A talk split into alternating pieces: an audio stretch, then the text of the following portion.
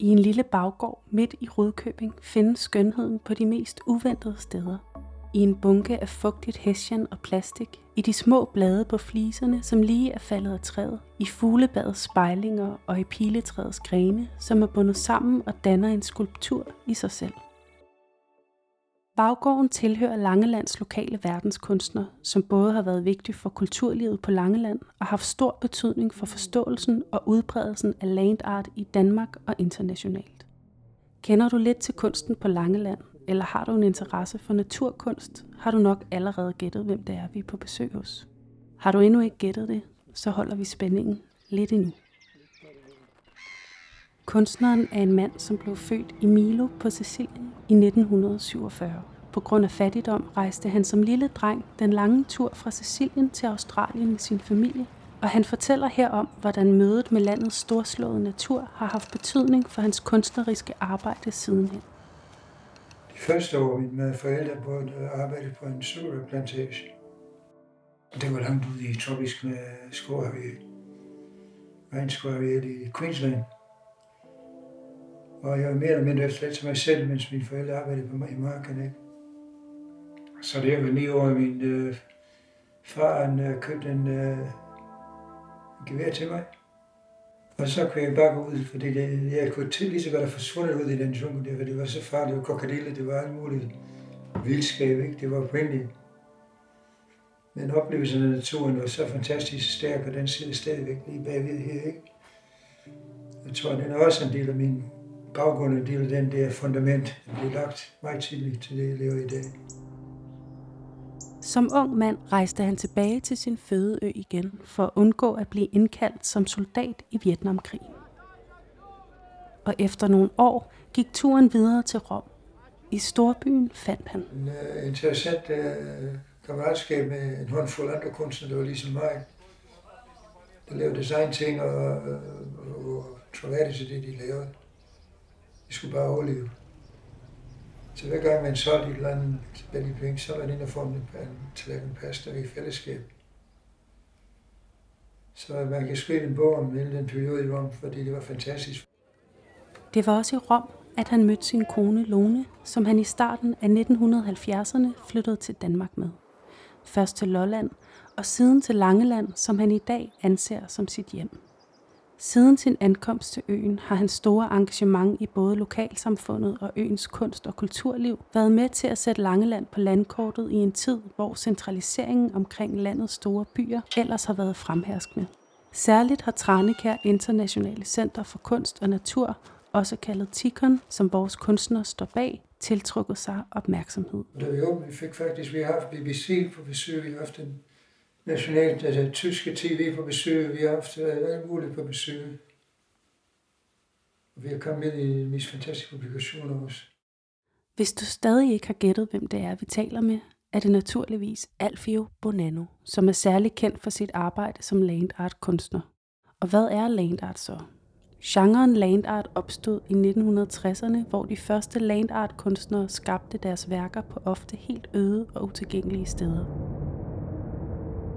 Værkerne var stedspecifikke og kunne hverken flyttes eller sælges som et opgør mod det kommercielle i kunstverdenen. De repræsenterede heller ikke nogen materiel værdi, i det skulpturerne blev konstrueret af de materialer, som var på den geografiske lokation. Grene, sten, jord, vand, sand og hvad kunstnerne ellers kunne finde. Disse dogmer arbejder nutidens landart-kunstnere også indenfor. Alfio forklarer her, hvad der for ham er essensen af landart det er betinget, det er betinget, at stedet betinger temmelig meget. Det bestemmer temmelig meget, hvordan man arbejder. Den mentalitet, den kulturbaggrund, man har.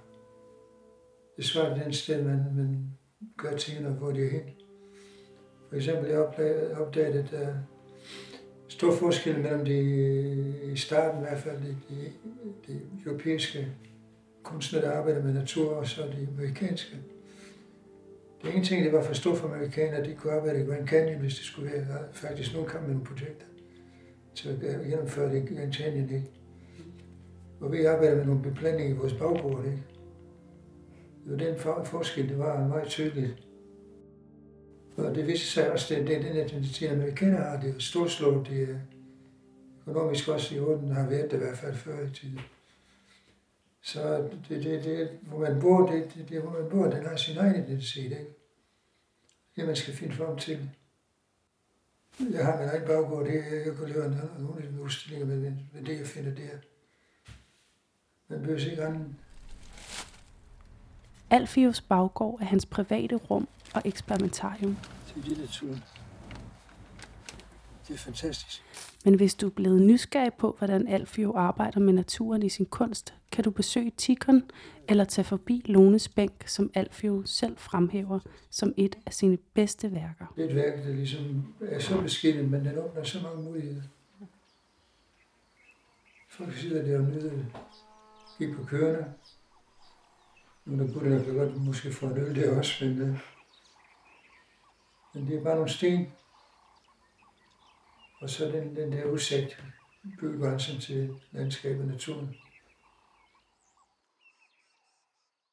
Alfio holder sig dog ikke alene til land art. Han maler, tegner, laver skulpturer, fotograferer, laver film, arbejder med installationer og meget mere.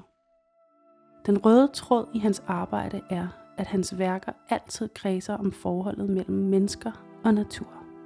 Det gør også, at hans værker synes evigt aktuelle. Selv siger han, at det han laver, laver han først og fremmest, fordi det interesserer ham som menneske og ikke som kunstner. Men øh, jeg, jeg laver ikke det, jeg laver på grund for det der. Øh, for mig er det meget vigtigt at, at gøre et eller andet sted, der, et eller andet, hvor man bor og lever, for at give ligesom et indtryk af, hvad det er for nogen, vi snakker om. Ikke? Jeg har haft brug for det, og jeg tror, der er mange mennesker, der har haft brug for det. Hvis jeg havde haft den, den, den tankegang, at jeg skulle tjene en masse penge med min kunst, så ville jeg lave noget helt andet. Du har lyttet til podcasten Kunstnernes Ø. Hvis du vil vide mere om Alfio Bonanno og de mange andre langelandske kunstnere, eller hvis du skal videre ud og udforske kunstruten, kan du finde yderligere information på langeland.dk-kunst. Nyd din fortsatte rejse på Kunstnernes Ø, Langeland. Projektet er støttet af Øernes Kunstfond.